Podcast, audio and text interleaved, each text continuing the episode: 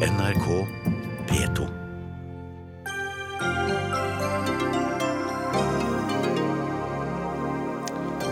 Økokrim tapte norgeshistoriens største skattesak. Nå gir en ny rapport en skarp kritikk for rot og dårlig samarbeid. Det holder ikke med nikab-forbud i skolen. Frp vil ha forbud overalt i det offentlige rom. Men kan vi kreve å se ansiktene til alle vi møter på gata? I år etter år har politiet kastet bevis i alvorlige saker. Det er en trussel mot rettssikkerheten, sier lederen av Gjenopptakelseskommisjonen. Og Høyre-politiker advarer mot å sende barn til Steinerskolen, og mener skolen fronter vaksinemotstand.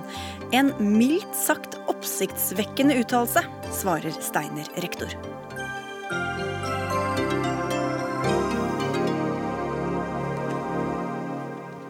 God ettermiddag. Jeg heter Sigrid Solund og skal følge dere denne neste timen her i Dagsnytt 18 i NRK P2 og NRK2. I ti år etterforsket Økokrim det som er blitt omtalt som tidenes største skattesak. Det var verdens største riggselskap, TransOcean, som var i fokus, men Økokrim tapte rettssaken og endte selv opp med å bli anklaget. I dag kom rapporten som har evaluert Økokrims arbeid. Den var på 111 sider og peker på store mangler ved hvordan Økokrim har håndtert saken. Mer om det straks, men først til deg, Trond Lydersen, du er økonomireporter her i NRK. Hva slags sak var dette i utgangspunktet? Det er jo, som du nevner, det er jo en svær skattesak, og som utviklet seg kanskje til å nesten bli symbolpolitikk. Fordi du hadde et stort riksselskap, du hadde en kamp mot de storkapitalen som flyttet overskuddene sine ut av de landene hvor de hadde tjent pengene, burde ha skattet. Og så hadde man denne saken som kom opp, Økokrim fikk den i 2004, og som man valgte å satse veldig hardt på. Og som det har vært tatt opp fra utvalget i dag, noe av det som gjorde det kanskje ekstra hva skal vi si, motivasjonsmessig eh, vanskelig dette her, var at i 2007 så valgte Finansdepartementet med Kristin Halvorsen å gå inn med 30 millioner kroner rett og slett for å sponse denne etterforskningen, for at man skulle gå etter TransOcean og nærmest da servere dem tilbake som et trofé, og også hente inn milliarder av skattekroner til Norge. Hva skjedde i rettsapparatet? Eh, I rettsapparatet så ble det jo blank frifinnelse. Det var et kjempenederlag som vi ikke har sett Økokrim gå på i samme grad før. Og så har jo kritikken reist seg med hvordan denne etterforskningen har vært drevet. fordi dette var en varsla ulykke, og det var også varsla internt i Økokrim, opp til Økokrim-sjefen, som ikke da, ifølge rapporten, tok nødvendige tiltak for å sikre seg at det kanskje kunne gått litt bedre. Men en ganske spesiell sak. Ganske spesiell. Takk skal du ha, Trond Lidersen. Altså, Økokrim tapte første runde i tingretten, som vi hørte. Eh, trakk så sin egen anke før det skulle opp i lagmannsretten. Og så satte Riksadvokaten ned dette utvalget, som eh, du er leder av nå. Liv Synnøve Taralsrud, du jobber til vanlig som sorenskriver. Rapporten peker altså på mange svakheter. Hva vil du selv trekke fram som det mest problematiske dere har funnet? Det var jo de manglene som skjedde under etterforskningen og forberedelsen til hovedforhandlingen i Oslo tingrett. Hva slags mangler var det? Eh, det var på en måte flere ting under etterforskningen. For det første så kan man si at etterforskningen manglet fremdrift og nødvendige ressurser. De to tingene henger for så vidt litt sammen.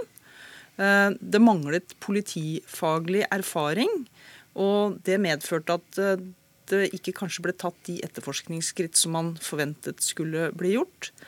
Det manglet eh, nok kontroll med hva man gjorde underveis. Om det manglet gunstige og gode fremdriftsplaner for, for arbeidet. Og så kan vi si at eh, det ble kanskje for lite ressurser, og det ble for få som fulgte etterforskningen fra begynnelsen til slutt. Det var bare da den eh, ansvarlige statsadvokaten som var med hele veien. Hva var det som gjorde at det ble sånn, ut fra hva dere har funnet? Eh, altså, bemanningssituasjonen i Økokrim var ikke slik at man hadde mm, da nok folk i dette teamet, etterforskningsteamet. Og sannsynligvis så ville det kunnet bedret seg hvis man hadde satt inn flere folk eh, som hadde erfaring fra forskjellige områder på et tidligere tidspunkt, og som fulgte saken hele veien. Men eh, det var sånn det ble, da. Ja, Men var det sånn at, at man så seg blind på ting? At man liksom bare fulgte et smalt spor, eller? Vi finner vel at det har vært for lite systematikk knyttet til etterforskningen. Og det har vært en del uheldig dobbeltarbeid eh, ved at medarbeidere er blitt bedt om å utrede eh, samme juridiske spørsmål flere ganger. Det kan dreie seg om skatterett, prosess eller strafferett. Eh, og det har også vært slik at man har kanskje ikke hatt nok for øye hva som skulle til for å eh, utarbeide disse tiltalene, og for å få saken Eh, brakt frem for da behandlingen i Oslo tingrett. Burde den ikke vært kommet til, til retten? Det har vi ikke sett på i utvalget. Vi har sett at det som var årsaken til at saken startet, det var et eh, brev fra um, ligningskontoret i Stavanger i 2004, som da medførte at man tok inn saken. Men man skal huske på at denne saken er ikke én sak, men det er fem saker med seks tiltalte. slik at en sak som i utgangspunktet startet, ble da etter hvert et veldig stort sakskompleks. Som kanskje burde vært begrenset ved å ta da eh, vedtak på hvert enkelt av eh, elementene i sakskomplekset. Men er det grunn til å si at det har gått noe prestisje i denne saken for Økokrims del? Det har ikke vi sett på i det hele tatt. Hva sier det om Økokrims arbeid utover bare hva det sier om akkurat denne saken? Det som vi har vurdert, er denne saken. Og Utvalget har ikke hatt noe mandat til å vurdere Økokrim generelt, og har heller ikke gjort det. Det som er kommet frem, er at utvalget har hatt samtaler med mange av de som har vært knyttet til arbeidet med saken i Økokrim, både nåværende og tidligere medarbeidere. Og de som enkelte da har uttrykt at dette, ikke, dette, er ikke en sak som på en måte har eh, overføringsverdi til andre saker som Økokrim arbeider med. Så dere kan ikke si at dette er et argument eh, for å legge ned Økokrim eller omorganisere Det har utvalget ikke sett som noe argument. Og utvalget, jeg vil understreke også at utvalget ikke har hatt noe mandat å se på Økokrims eh, organisering generelt. Bare et spørsmål om utvalget også, fordi du ble utvalgsleder først eh, i mars. Eh, det var opprinnelig ledet av professor Jon Petter Rui, men han trakk seg. Hadde, handlet det om uenighet om innholdet? Eh, tenkte du internt i utvalget, ja. så handlet det ikke det. Vi har eh, hatt eh, et eh, godt arbeid internt i utvalget, og det har ikke vært noe uenighet internt i utvalget. Vi skal snakke litt videre om hva, dette, hva, denne rapporten bør få si. Du har i utgangspunktet ikke noe ønske om å være med i noen debatt om det, men du kan bli sittende og se om det er ting du har lyst til å supplere eller smette inn med. Vi må bare si også at førstestatsadvokat Morten Eriksen i Økokrim, som er veldig sentral i denne saken, ønsket ikke å være med i denne omgang. Han viser til svaret sitt i rapporten, til intervjuer og kronikker i Dagens Næringsliv. Økokrim-leder Trond Erik Skje har også takket nei til å være med i denne sendingen. Bård Bjerkholt, du er kommentator i Dagens Næringsliv. Hva viser eh, denne saken og det som er kommet fram i dag? Denne saken viser jo først og fremst en svikt i Økokrim Eh, i hele denne fasen hvor de, eh, og alle disse årene hvor de holdt på å etterforske denne store og kompliserte skattesaken. Eh, det var juridisk tunnelsyn hos statsadvokat Eriksen.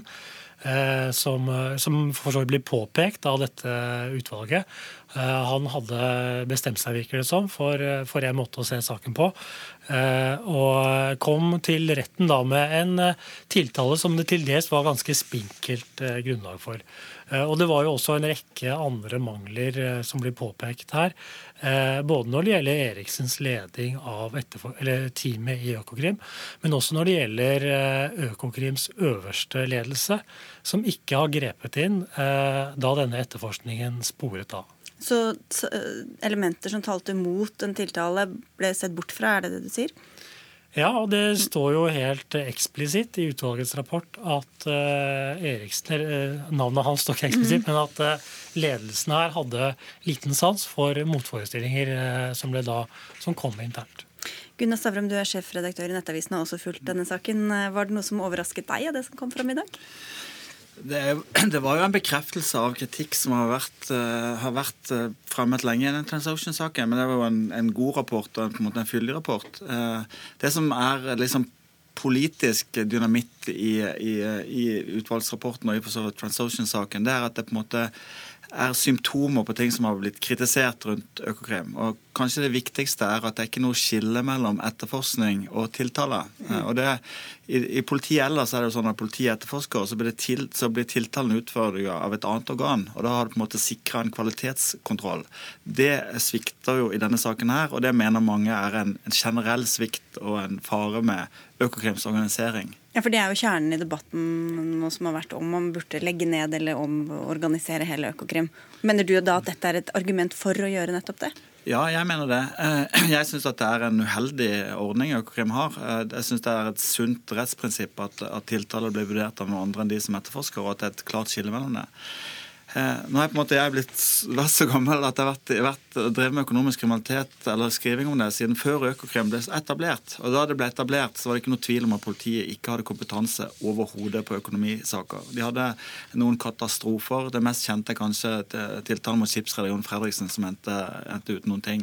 Så Økokrim var svar på mangel på kompetanse. Men i dag føler, mener jeg at det er et annet kriminalitetsbilde rundt økonomi. Altså Økonomi er involvert i terrorfinansiering, organisert kriminalitet, i narkotika, helt andre former for kriminalitet. Og Jeg, jeg syns det er gode grunner for å slå Økokrim sammen med resten av Kripos, og jeg syns det er gode grunner til å flytte kompetanse fra Økokrim og ut i politidistriktene.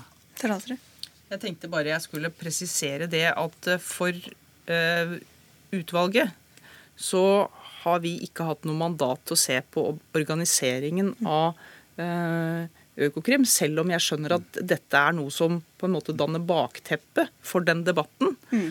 Uh, og de tiltakene som vi er blitt bedt om å på en måte peke på, de har vi pekt på innenfor den organiseringen som er i dag. Men det blir selvfølgelig brukt sånn, Bjerkholt. Er det grunn til det ut fra det den rapporten har kommet fram til? som du ser det? Ja, Du kan jo si at denne saken her bekrefter jo det som Økokrims eh, kritikere har bekymret seg for. Nemlig det at eh, det ikke er en annen instans som vurderer dette på nytt. Eh, noe som kan være en fordel hvis f.eks. For som i dette tilfellet den som etterforsker og leder etterforskningen ikke har tilstrekkelig objektivitet i den uh, jobben som gjøres.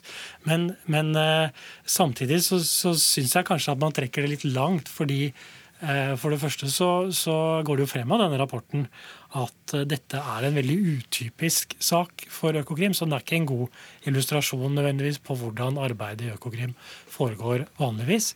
Eh, og for det andre så eh, er det jo mange andre ting man kan gjøre for å sikre nødvendige rettssikkerhetsgarantier, annet enn å legge ned hele sjappa, så å si. Hvordan kan du vite at dette er representativt, Gunnar Stavrum? Nei, men dette er, jo, dette er, jo, For det første så tror jeg jo at det finnes flere andre tilfeller av noe av det samme. Det har vi jo for så vidt sett. Men, eh, men om det er symptomatisk på alle saker i Økokrim, det tror ikke jeg heller. Men det, men det, viser jo på en måte en svikt i måten å organisere på, etter min mening. Så så tenker jeg at det går inn i en større debatt om hvordan vi skal organisere politiets særorganer, eh, og hvilken rolle Kripos skal ha i forhold til politidistriktene. og jeg mener jo ikke at, at, politiet skulle legge ned sin kompetanse på økonomisk kriminalitet. Eh, åpenbart ikke, den er veldig viktig. Men jeg, jeg, støtter nok en annen form for organisering av det. Altså eh, ha Økokrim-kompetansen i Kripos og la det være et bistandsorgan for politidistriktene, ikke et særorgan som har på en måte utvikla sin egen kultur uh, uten noe kontrollmekanismer. Mm. Men det, viser, det, er vel også en historie om en sak hvor en, en mann er blitt gående veldig sentral og ganske aleine i den store saken, Bjørkov? Ja, og sånn sett så skal man jo ikke bare eh, peke fingeren på Eriksen her, selv om man er nødt til det, eh, eh, slik dokumentasjonen eh, slik det ser ut. Men, men også da, som han selv sier, han var veldig alene i en sak hvor han ikke burde vært alene. Den var altfor stor og altfor omfattende til at den kunne ledes av bare én aktor. Og der fikk han ikke nok hjelp av sin ledelse. Da får vi se, da. Nå er det vel eh, opp til politikerne etter hvert å se hva de skal gjøre med dette. Vi får si tusen takk til dere i, i denne omgang for at dere kom. Bård Bjerkholt fra Dagens Næringsliv, til deg Gunnar Stavrum fra Nettavisen, og takk skal du ha også Liv Synnøve Taraldsrud, som altså var utvalgs, utvalgsleder. Dagsnytt 18 alle hverdager klokka 18.00 på NRK P2 og NRK2.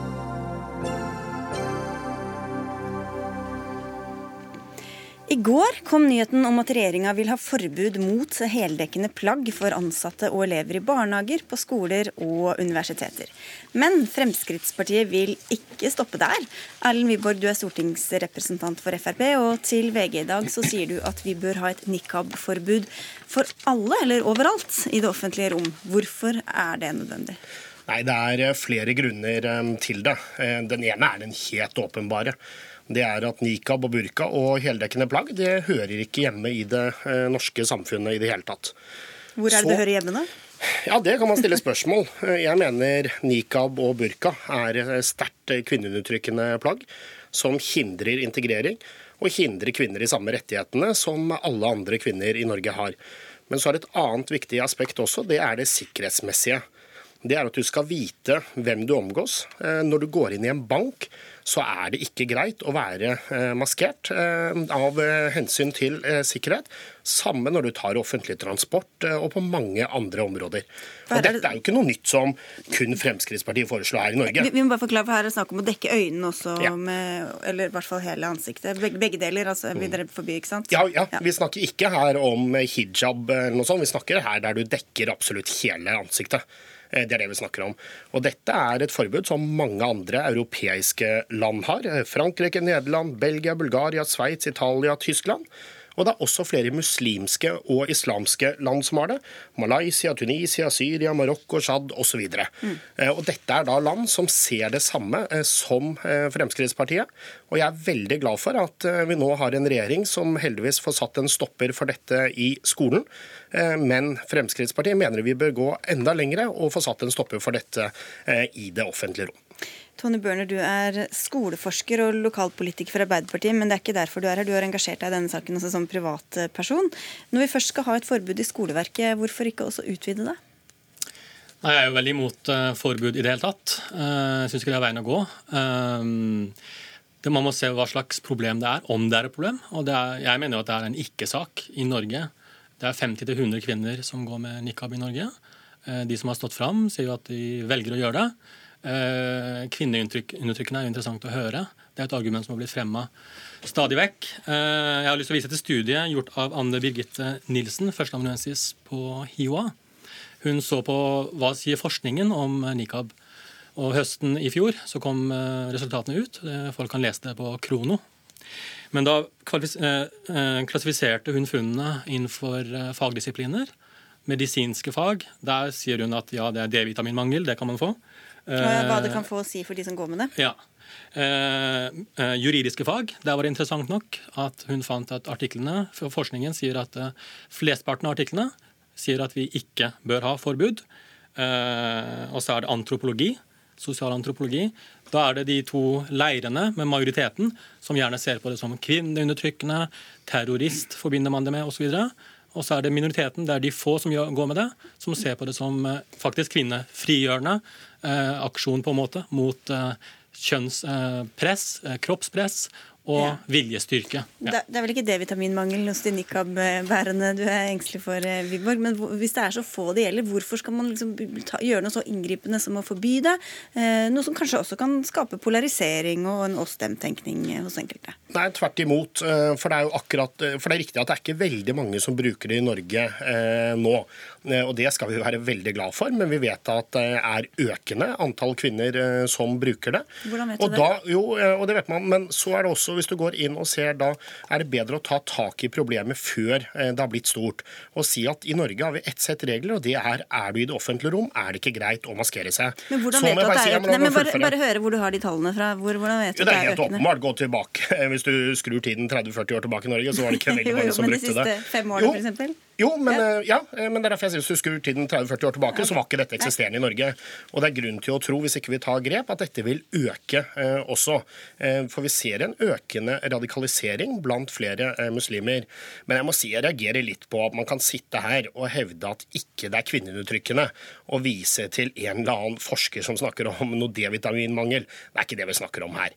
For det er åpenbart for alle i Norge at det at mennesker eh, som bor i et fritt og åpent samfunn som Norge, skal måtte være nødt til å dekke til hele kroppen, dekke til okay, ansiktet, og, og ikke kunne være en del av, av det norske samfunnet. Det er, det, er, det er, absolutt en del av debatten. Men bare for å ta det første med hvor mange det er, og om det er nødvendig med et, med et forbud. Hvis det er et argument mot et forbud, hvorfor ikke heller gripe tak i det før det griper om seg og blir mye vanskeligere å gjøre noe med? Jeg skal være enig i én ting med Erlend, og det er at vi er for et fritt, liberalt, åpent samfunn.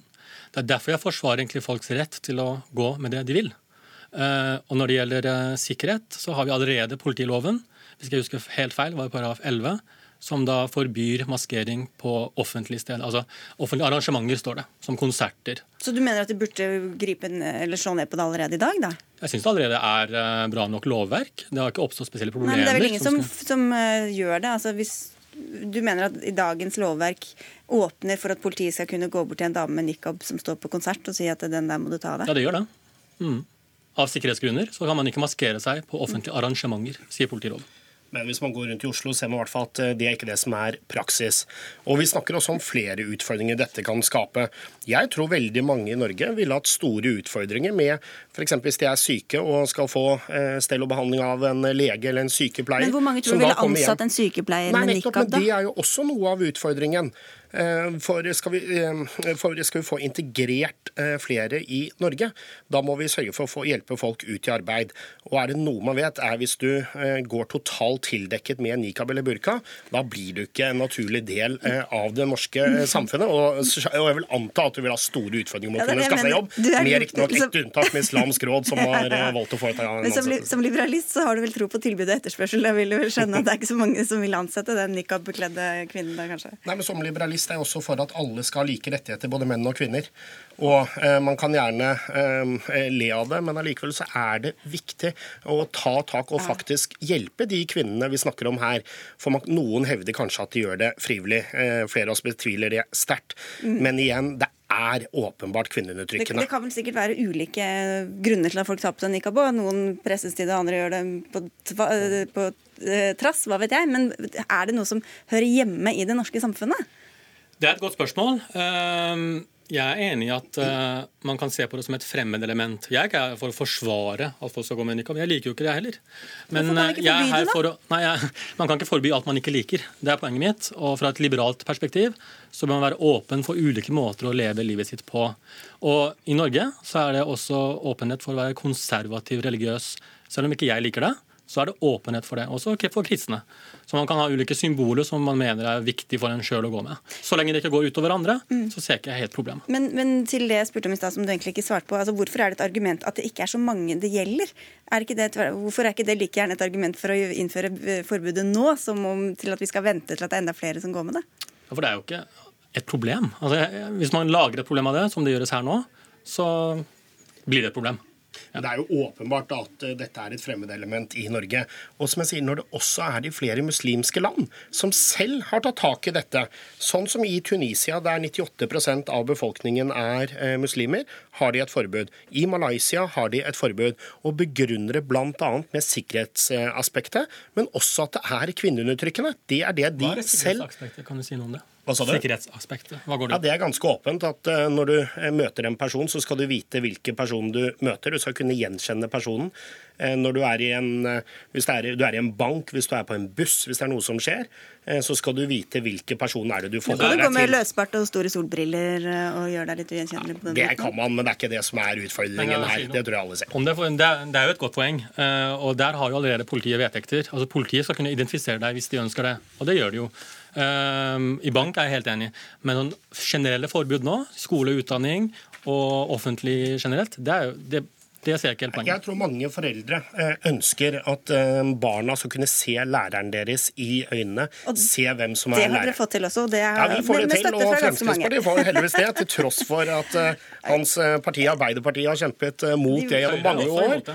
Men heldigvis så får vi gjennomslag for denne saken. Dere, tusen takk skal dere ha begge to for at dere kom, men det er en liten vei å gå igjen der, Erlend Wiborg. Takk til deg også, Tony Børner.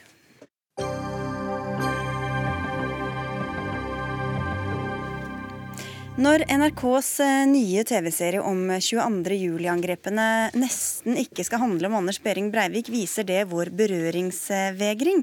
For vi har ikke snakket nok om Anders Behring Breivik Vi har nesten ikke snakket om ham i det hele tatt. Det skriver du i Aftenposten, journalist og teaterkritiker Anki Gerhardsen.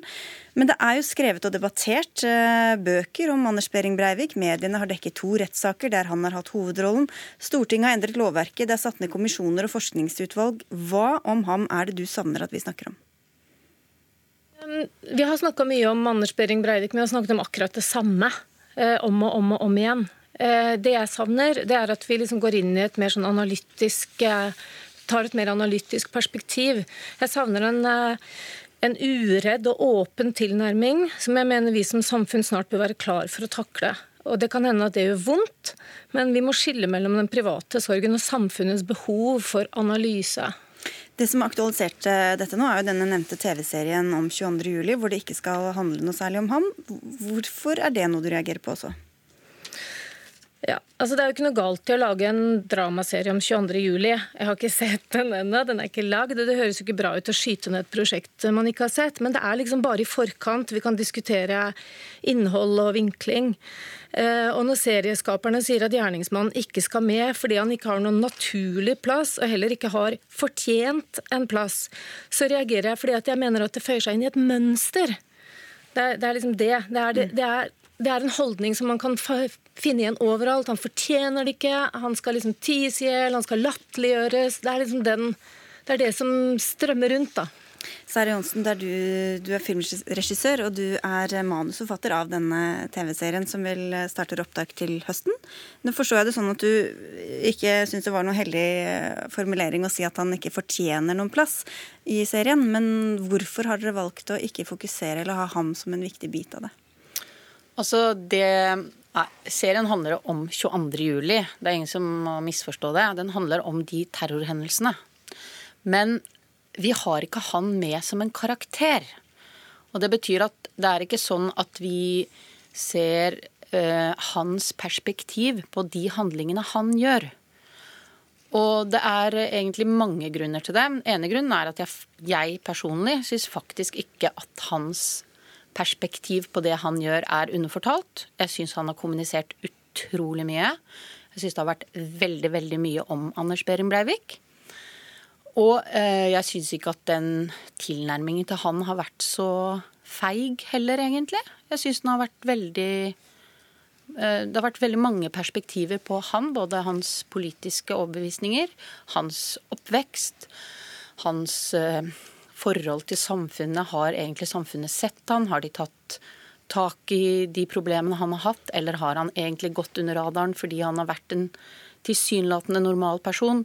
Jeg syns disse tingene har vært snakket veldig mye om. Mm. Og jeg føler at det er mer interessant faktisk å se på 22. juli terrorhandlingene ut fra andre perspektiver. Men det er jo ikke sånn at altså, handlingene er der, og vi prøver å belyse veldig mange av de problemstillingene som vi føler at knytter seg til den terroren. Vi begynner jo før 22. juli. Det er ikke sånn at vi begynner etterpå, liksom. Så nøyaktig hva er det du, du savner av Gerhardsen, med tanke på alt som både Johnsen og jeg listet opp av hva som har vært snakket om, og han, han har kommet til orde med også? Det er ikke Anders Behring Breivik sine perspektiver jeg savner. Jeg, ikke at, jeg, mener ikke at han skulle få lov å stå der og si hva han mener og han tenker. Det er ikke det jeg er ute etter. Jeg er kanskje ute etter kulturkritikk. Eh, et blikk på oss som samfunn. Hvordan klarte vi å eh, bringe fram en sånn mann? Eh, jeg savner litt mer fokus på politikk, ideologi og vold. Og kanskje også samfunnets mulige ansvar for at en liten unge fikk bli så grusom. Men har vi, altså bare for å ta det først til denne serien, Noe handler om noe, og andre ting handler om andre ting. Så hvorfor handler det om berøringsangst bare fordi at noen ikke har valgt akkurat den vinkelen? Hvis du skriver en sak om én ting, så betyr jo ikke at du ikke er opptatt av andre ting. Nei, men altså, som jeg sier, eh, denne dramaserien den kan man jo se helt isolert og si helt OK. Eh, nå mener jeg at altså Det jeg eh, har skrevet kronikken min basert på, er jo det serieskaperne selv har fortalt om hva serien skal handle om. Og Da har jeg fått inntrykk av at den skal handle om de som ble berørt av 22.07. gjennom jobben sin. Da er det liksom nærliggende å se for seg at det skal handle om hvor vanskelig det var, hvor vondt det gjorde. Hvor, og de har også snakket om de vil vise menneskenes styrke. Så det er ut fra det jeg har skrevet da. Og da føler jeg at det har vi snakka ganske mye om fra veldig mange forskjellige perspektiver og gjennom veldig mange ulike medier. Sånn jeg mener at det er andre ting vi kanskje bør bruke ressursene på og forsøke å belyse. da. Men jeg, jeg, skjønner veldig godt hva du mener, men vi prøver faktisk å belyse akkurat de tingene du snakker om. Men det er jo også sånn at det samfunnet som var rundt Breivik, det er jo mange forskjellige institusjoner hvor mange jobber. Og vi prøver på en måte å si noe om hva slags samfunn var det han vokste opp i og, og agerte i. Så det er ikke sånn at vi har en serie som bare handler om snille mennesker som gjør fine ting men, men, i et perfekt system. Anke Gerhardsen var inne på det at man liksom ikke vil nevne navnet hans. Er det, er det, et slags forsøk også på å straffe ham og vise at han egentlig er ubetydelig? Der, at det er sånn, driver i oss, at vi vil hevne oss på en måte? Det kan nok være at man Altså det er klart, man blir jo veldig, veldig påvirket, selvfølgelig, av altså, å lese om det han har gjort. Og hvis du leser mye om det, så blir du mer og mer fylt opp av det. Har, men, men man har jo jeg føler ikke at vi er redde for å snakke om han, altså. Rett etter 22.07. så var det jo ville man uh, sørge og gå i rosetog og ikke nevne navnet hans. Men det tok ikke så lang tid før hans Altså, vi hadde et, et blikk på han, og norsk tragedieboka kom. Så det er jo Jeg er ikke helt enig, men jeg, er interessert i det samme som henne, da, ja. for å si det sånn. Vi skal få inn en tredjeperson her, psykologspesialist Pål Grøndal. Du har lest denne kronikken fra Anke Gerhardsen og reagert på den. Hvorfor det? Ja, det blir jo litt som siste taler her. Altså, hva, hva, mer trenger vi å vite om Behring Breivik som vi ikke visste fra før? Um, og jeg syns ikke at vi har noe som helst berøringsangst i forhold til Behring Breivik. Det, jeg kan bare gjenta det som ble sagt tidlig som en åpning uh, av programleder, nemlig at det er skrevet bøker. det er han har vært gjennomgransket og analysert psykiatrisk, kulturelt, øh, ideologisk, alt mulig. Så jeg skjønner ikke hva mer vi skal få ut av det. Så, det er måten vi har sett det på det på som ikke er fyllestgjørende, sier Gerhardsen her. Ja, da lurer jeg på hva slags måte er det vi nå skal se på han på. For når jeg hører ordene analytisk perspektiv og åpen tilnærming, så, så, så er det bare sånne litt sånn tomme ord for meg. Fordi jeg må bare sånn, si rent faglig at vi får ikke noe mer ut av å studere denne mannen i hjel. Fordi ut ifra det så får vi ingenting nytt. Hva hjelper oss til å f.eks. For forutsi nye massedrap, eller kunne peke ut hvem er massedrapsmannen neste gang. Altså Vi får kunne ut av det. Derfor så, så syns jeg på en måte at det blir litt sånn Hvorfor skal vi fokusere enda mer på ham? Jeg var veldig lykkelig for å høre denne ideen til serieskaperne, at vi nå skal se på et litt annet perspektiv. Gerhardsen? Eh, i fjor så påpekte Grøndal i en kommentar i Aftenposten hvordan medienes dekning av rettssaken var preget av latterliggjøring og hva slags språk vi brukte. Det syns jeg er utrolig interessant, fordi språket sier en del om modenheten og refleksjonsnivået i mediene og kanskje også i samfunnet. Og når vi liksom møter den gjerningen og gjerningsmannen med så mye latterliggjøring som man faktisk så i dekningen den gang, så sier det noe om hvor vi er da. Eh, sånn at jeg er ikke enig i at vi har reflektert grundig nok over verken eh, hva det er som kan ha skapt denne terroristen, og hvordan, hvilken påvirkningskraft han har hatt eh, videre, f.eks. i dag. Hva vet vi om det egentlig? Hva slags påvirkningskraft har han hatt i Norge, i Europa, i verden? Altså det, er, det, er, mye her som vi ikke har tatt tak i. Og det, det jeg savner, er, at, er ikke at vi skal sitte og snakke bare om Anders Behring Breivik, men det er liksom ringvirkningene rundt, og også en kulturkritisk analyse, som jeg snakka om innledningsvis her nå i stad. Du skal slippe til Johnsen, men bare høre med Grøndal først. Ja, nei, det, det, kan godt være at vi har, har, visse perspektiver igjen som vi må ta tak i. Eh, men jeg ser det ut fra en sånn faglig vinkling at eh, denne mannen er forsøkt forstått i hjel. Og jeg er egentlig veldig begeistret for at man skal forsøke å, å, ha et annet syn. Og det er jo nesten det som Gerhardsen etterlyser. Et annet syn. Og det synet som har vært rådende, det har vært å gå gjennom hele Breiviks univers. Hans ideer, hans psykiatriske lidelser, hans ideologi, hans oppvekst til og med to-tre generasjoner tilbake. Så, så, så, jeg er med på at det kan være andre perspektiv. Men hvis dette er for å kunne forstå massedrapsmenn og å forhindre massedrap, drap, så er ikke dette veien å gå. Jeg vil bare si at Vi er veldig interessert i eh, ringvirkningene og i ideologien hans. Han, på, han, er jo ikke en, bare en helt ensom satellitt.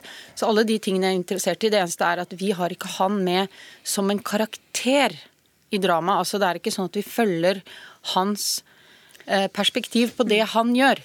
Og det er bare det som, som, eh, som også kanskje kom feil ut, at du misforsto. fordi alle de perspektivene du nevner, er jeg interessert i. Vi må runde av, Gerhardsen, men går det ikke an at vi både noen har behov for å latterliggjøre og hetse eller tie ham i, eller andre kan analysere at det er plass til alle de tingene? Jeg syns ikke eh, at det er akseptabelt at mediene velger en av de to løsningene. Nei, men, Nei, og det var jo Den kommentaren jeg trakk fram her i stad, var jo nettopp en kritikk av hvordan mediene dekka rettssaken. Men jeg blir jo litt beroliga når Sara Johnsen nå sier at det er mange av de perspektivene jeg etterlyser som skal inn. Det har de kanskje vært litt dårlige på å kommunisere ut i den forhåndssamtalen da, eh, som også trigga meg til å skrive. Da fikk vi i hvert fall oppklart det, og en uh, god samtale her hos oss. Takk skal dere ha, alle tre. Uh, Anki Gerhardsen og Pål Grøndal, og til deg, Sara Johnsen. Takk skal dere ha. Siden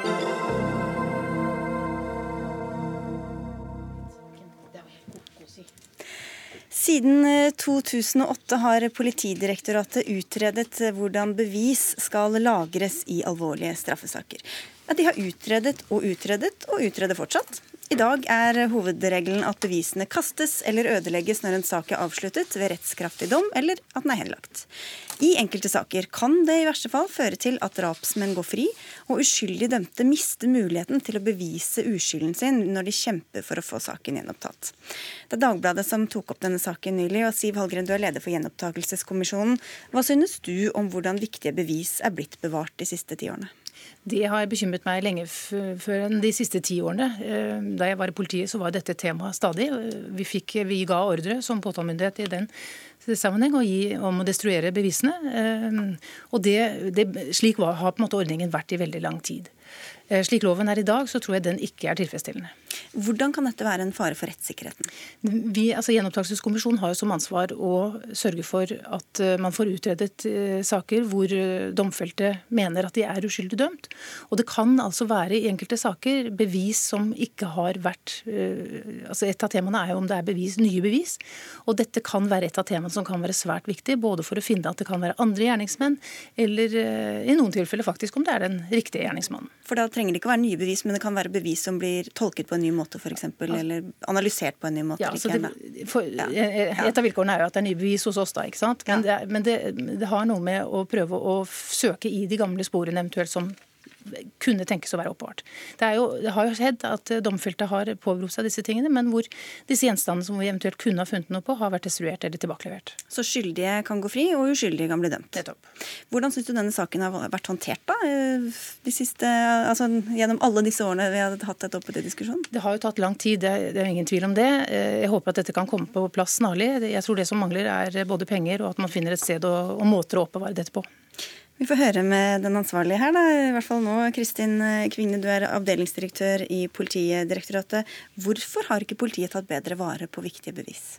Ja, Det er eh, slik at også i dag så tar eh, man vare på eh, bevis i alvorlige straffesaker etter etter at en sak f.eks. er henlagt, eller at det har vært en frifinnende dom. Så Det gjøres også i dag i alvorlige saker.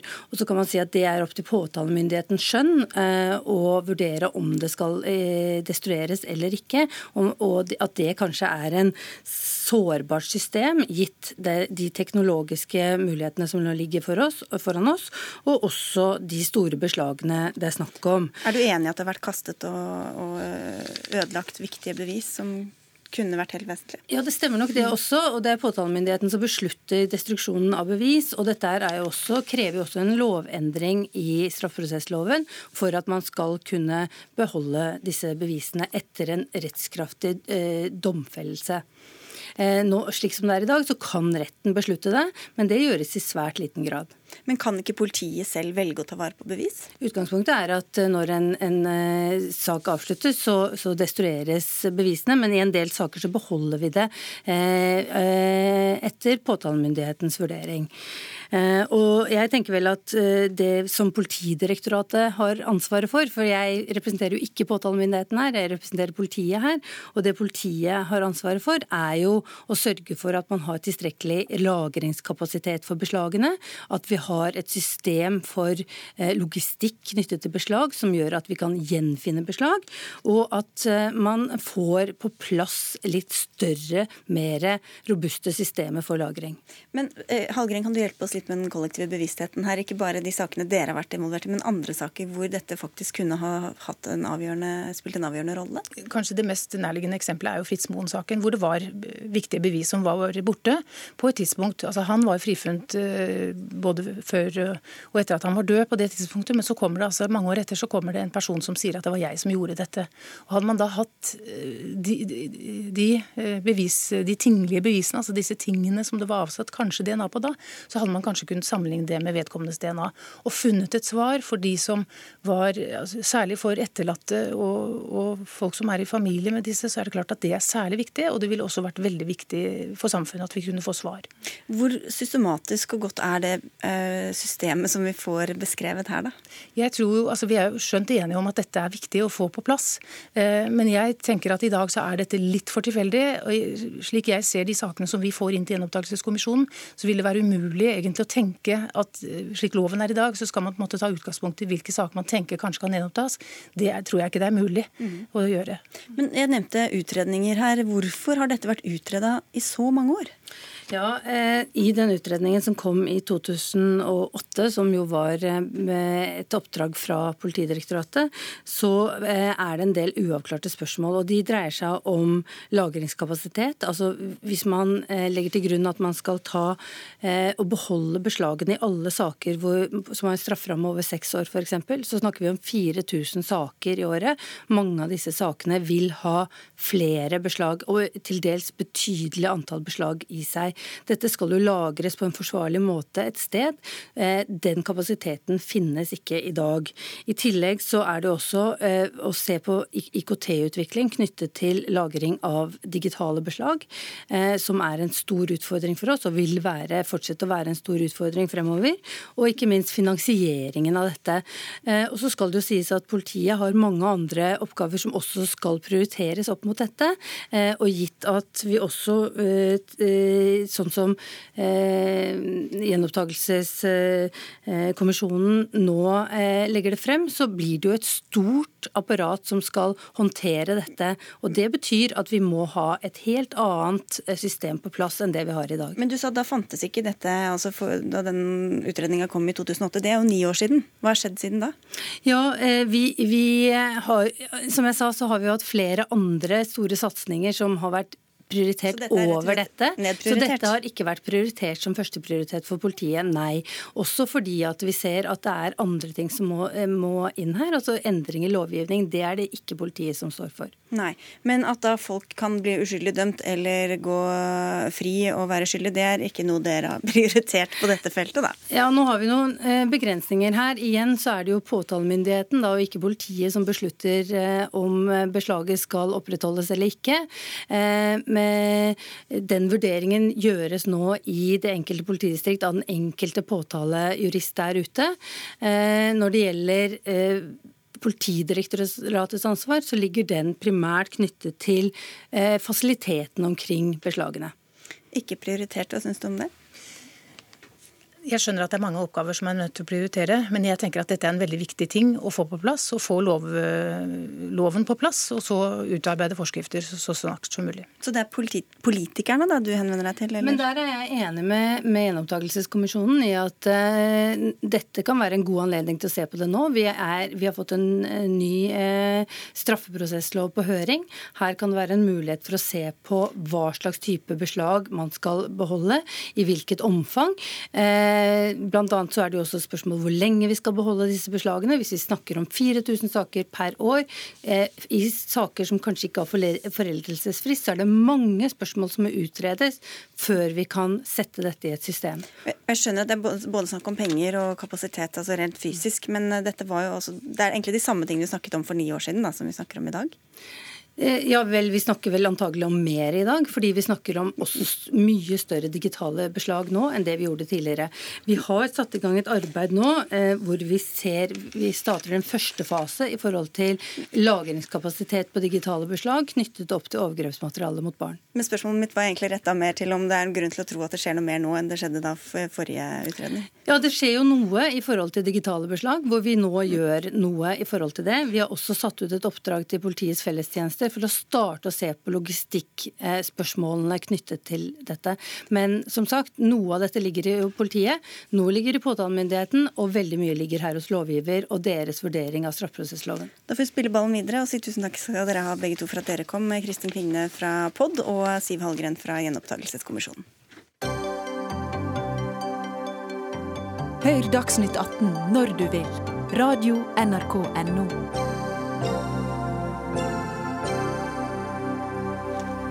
Vaksinedebatten har fått nytt liv her til lands etter meslingutbrudd i Europa, og etter at det er registrert to tilfeller her i Norge. Men hva er grunnen til at noen barn ikke vaksineres? I Vårt Land i dag går du hardt ut mot Steinerskolen og kaller den et forstokket miljø som fronter vaksinemotstand. Sveinung Stensland, du er stortingsrepresentant eh, for Høyre. Hva fikk deg til å velge disse ordene? Det var helt opplagt svar på den artikkelen som sto i går, som beskriver antroposofien og ideologien bak eh, Steinerskolens eh, pedagogikk, som er veldig tydelig på at det med sykdom det er noe naturlig som en skal gjennom, og barnesykdommene det er noe transformatoriske lidelser som gjør en som et bedre menneske etterpå. Og en vet at vaksinedekningen er veldig, veldig lav i enkelte steinerskolemiljøer. Eh, sånn som på Nesodden så var det nede i 60 vaksinedekning. Og i, i, Storbritannia der advares det jo mot disse miljøene, altså steinerskolemiljøene, mm. nettopp fordi det er de kalles for et samfunn med, uten vaksinedekning.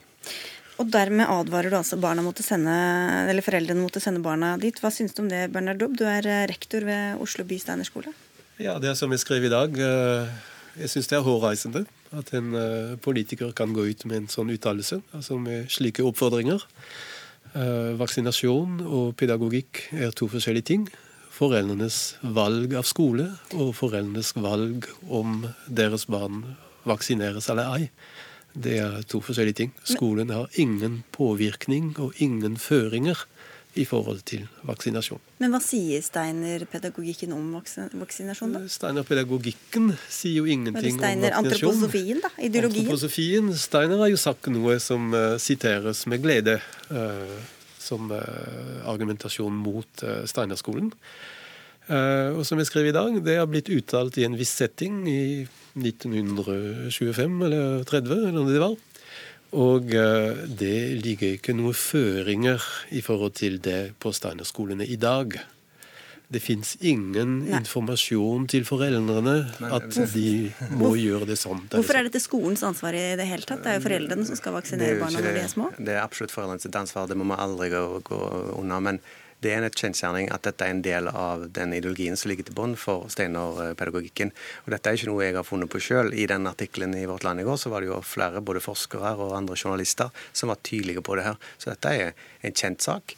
At Men at noe ble sagt for nesten 100 år siden, hvordan vet du at det preger det som blir sagt ja, det, i lærerværelsen i dag? Du kan jo bare se på annet en undersøkelse som viste at vi er nede i 60% vaksinasjonsgrad. Og da er det litt morsomt at det er helt legitimt at helseministeren sist uke advarer foreldre mot å reise på ferie til enkelte eh, land i verden pga. lav dekningsgrad for meslinger. En må vaksinere barna før en reiser, sier helseministeren, nettopp fordi vaksinegraden er lav. Da burde det være tilsvarende helt greit å si Tenk deg om før du sender ungene til en skole med lav vaksinedekning. For Dette handler nemlig om folkehelsa. Vaksinasjon handler om beskyttelse mot sykdom.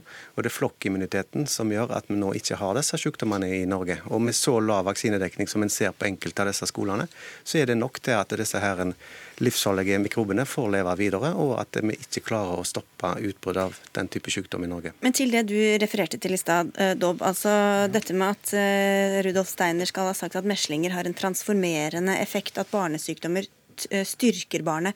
Er det ja. noe du og andre i Steinerskolen tror på i dag?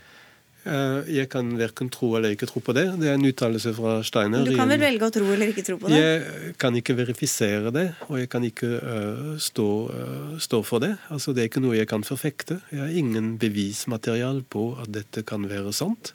Men Gjelder det alt dere snakker om på skolen? At dere ikke sjekker hva forskningen viser om ting? Det gjør vi absolutt, og det er det jeg sier i dag. eh, At eh, vår oppgave som pedagog, eh, om vi er Steinerskolepedagog eller om vi er eh, pedagog på offentlig skole, er jo å basere seg på erfaringer. Og se om det fins empiri, eller Og Finnes det da empiri for å si at det har transformerende effekt, og at det styrker barnet? Det har jo ingen av oss pedagoger noe som helst grunnlag for å ta stilling til. Det det er vel bare å lese forskning, det? Eh, ja, altså du, kan si forskning om vaksinasjon tar selvfølgelig ikke utgangspunkt i det. Men det som jeg syns er interessant, det er at eh, det er for så vidt også som Aasheim sier i dag. altså det, Hva er på en måte skolens eh, plikt? Hva er undervisningsinnhold? Det fins jo ingen undervisning. Så du vil ikke forholde deg til dette i det hele tatt? Er det sånn å forstå? Jeg, jeg det er, ikke det er ikke undervisningen på studentskolen jeg angriper her, men det er ideene som ligger til grunn. Og så er det et miljø, et miljø der vi vet at det er mye lavere vaksinasjonsgrad. Det er det jeg tar til orde Men, mot. men det er jo ikke nødvendigvis selv om to ting opptrer sammen, så betyr ikke det at det er en årsakssammenheng. At, at noen foreldre velger å sende barna til Steinerskolen og velger å ikke vaksinere dem, betyr jo ikke det at det er Jeg vil jo tro Steinerskolens at det er jo antroposofien som gjør at veldig mange foreldre velger Steinerskolen. Ja, det er ikke tilfellet, det. Ja, men jeg vil nå tro at noen av de er opptatt av, av ideologiske grunnlag for Steinerskolen, og det er nettopp det vi ser.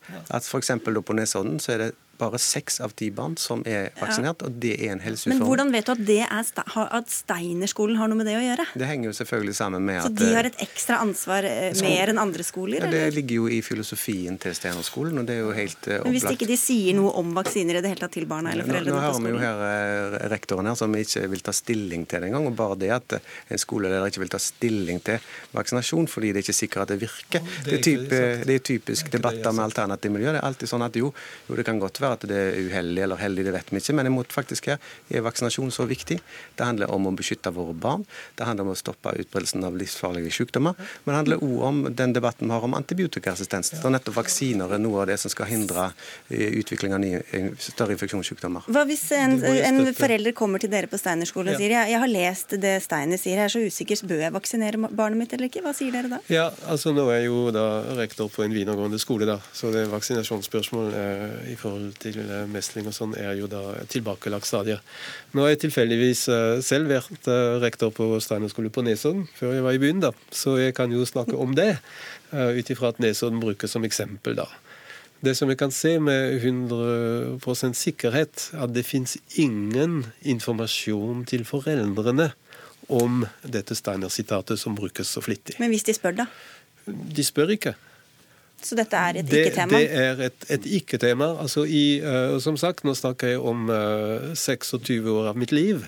Har jeg aldri hatt et foreldremøte. Men har dere da et, ekstra ansvar når dere vet hvor mange som ikke er vaksinert som går på skolen, f.eks. på Nesodden, da, som er en eh, kommune Altså, Vaksinasjon er jo de informasjonene som formidler til foreldrene om vaksinasjon. er jo de Men har dere et ansvar også på Steinerskolen til å si at eh, her har vi sagt noen, eller noen har sagt eh, Steiner da, for mange år siden noe som vi ikke lenger tror på, som dere ikke må følge? Ja, I hvilken kontekst skulle vi si det? Altså, du kan se Foreldrene velger jo skolen eh, på fritt grunnlag. Litt Eh, at, Ikke eh, basert på om de er antroposofer eller ei. Vi er jo foreldre fra veldig forskjellige Men det er jo interessant at britiske myndigheter, da, i motsetning til norske myndigheter, velger å advare mot Steinerskolen-miljøet nettopp pga. lav vaksinedekning. Og Og din det, partikollega Henrik Asheim var vel nettopp ute i dag og sa at han ikke ville advare ja, nei, han tar en skolepolitisk altså Folk velger jo selv hvor de skal gå på skolen, men her er det åpenbart et miljø som gjerne bør ta et oppgjør med sin eh, ideologi. Vi må avslutte der. Si tusen takk til dere to begge to, Sveinung Stensland og Bernhard Daab, for at dere kom til Dagsnytt 18.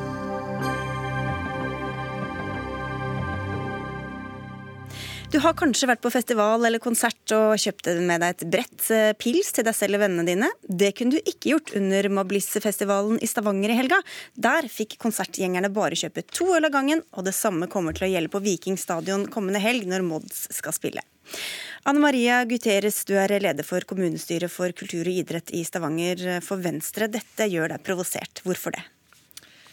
La meg bare presisere en liten ting. Dette er ikke for at vi skulle kunne drikke mer. Dette er rett og slett å gjøre meg forbanna pga. det gir lite forutsigbarhet for kulturaktørene. Ok. Eh, Øyvind Jacobsen, bystyrerepresentant i Stavanger for Arbeiderpartiet. Hvorfor trenger dere en sånn regel som gjør det uforutsigbart? vi, vi, vi, trenger en regel for å sørge for at alle får en god opplevelse når de skal på festival. Enten de er barn, unge, familier, voksne som ikke ønsker å drikke alkohol, eller de som ønsker å, å drikke alkohol. Og Da må det være sånn at vi politikere lager fra før av alkoholloven, vi lager forskrift for omsetning av alkohol, og vi lager lokale skjenkeregler. Og Da kan ikke vi politikere som Gutierrez her nå nesten foreslår, gå inn og detaljregulere om, om, den enkelte festival skal få servere to, tre, fire eller fem enheter om eh, gangen. Da er det altså sånn at vi må stole på at politi, arrangør og andre myndigheter tar den nødvendige tilpasningen til hvert enkelt eh, engasjement.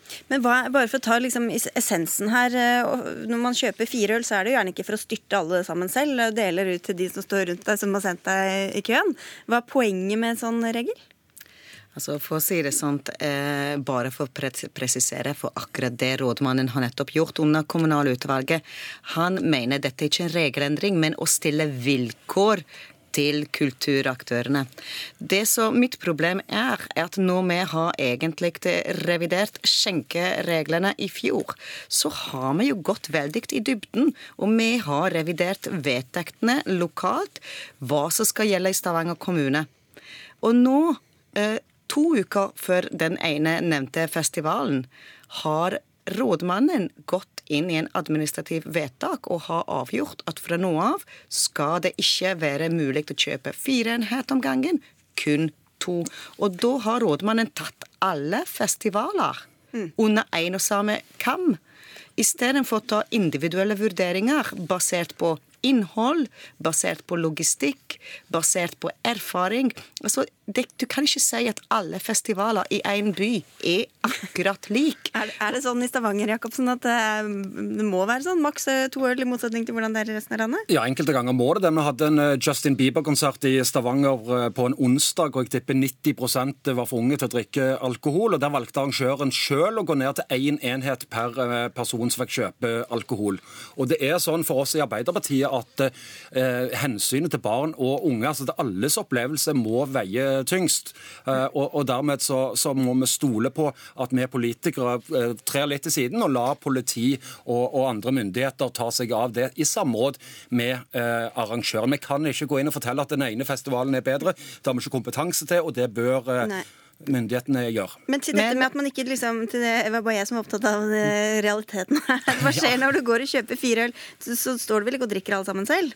Ja, det er noen som gjør det. Eh, og, og dette er jo ikke typisk for eh, Stavanger. Der, det, det gjøres en rekke tiltak for alle som skal arrangere festivaler over hele landet, med krav om vakthold, om hvor mange utsalgssteder man skal ha, osv. Og, så videre. og så er det sånn at òg på festivaler så må, så må man følge alkoholen fram til konsumenten og sørge for at det er ansvar ansvarlig uh, skjenking. Og så blir det kanskje mer køer, da, og da drikker man mindre Gutierrez, og så blir det mm. mindre fyll. For å si det sånn, kø er ikke nødvendigvis eh, noe hyggelig. Det ødelegger festivalopplevelsen. Det kan oppstå knuffing. Det kan bli faktisk aggressive situasjoner ut av det. Kø er ikke nødvendigvis løsningen på at folk er overstadig berusa. Man kan oppleve ved festivaler at allerede ved ankomst er enkelte gjester mer eller mindre godt nok berusa, og da burde de egentlig bare vist ved allerede ved døra. Viktigste burde ha vært å, å ha oppsyn. Er noen overstadig berusa, så skal de ikke få bevilgning, eh, mer drikke. Men det, da, da, hjelper det jo at noen ikke kan kjøpe med seg masse øl til kameraten som står bak i busken og er kjempefull, da. Det kan være, men som sagt, dette er feil medisin på er gjerne et eh, problem. Og det er som at de har ikke engang Hvis dette var, var en vedvarende problem, så syns jeg at det burde ha vært løftet til en prinsipiell debatt allerede i fjor. Okay. Og ha gjerne eget, eget regelverk eh, kun til festivaler. Du, du får, vi vil bare gi 20 sekunder til Jacobsen ja, på tampen her. Altså Jeg er glad i både festival og, og øl, men, men, det må være sånn at til og med partiet Venstre ønsker å opprettholde lov og orden, og at politiet rett og slett følger de lovene som de er pålagt å følge av oss politikere, og så får vi politikere lage lovene. Vi politikere kan lage, lage lovene, men når vi egentlig sier at festival, altså kulturaktører, skal kunne klare seg sjøl og skal kunne planlegge over lengre tid, så må de egentlig ha en forutsigbarhet, og ikke at vilkårene endrer seg to uker før. Og da var vi tilbake ved start. Tusen takk skal dere ha for at dere var med. Dagsnytt 18 er over for i dag. Ida Tune Øresland, Marianne Myrhol og jeg, Sigrid Solund, takker for følget.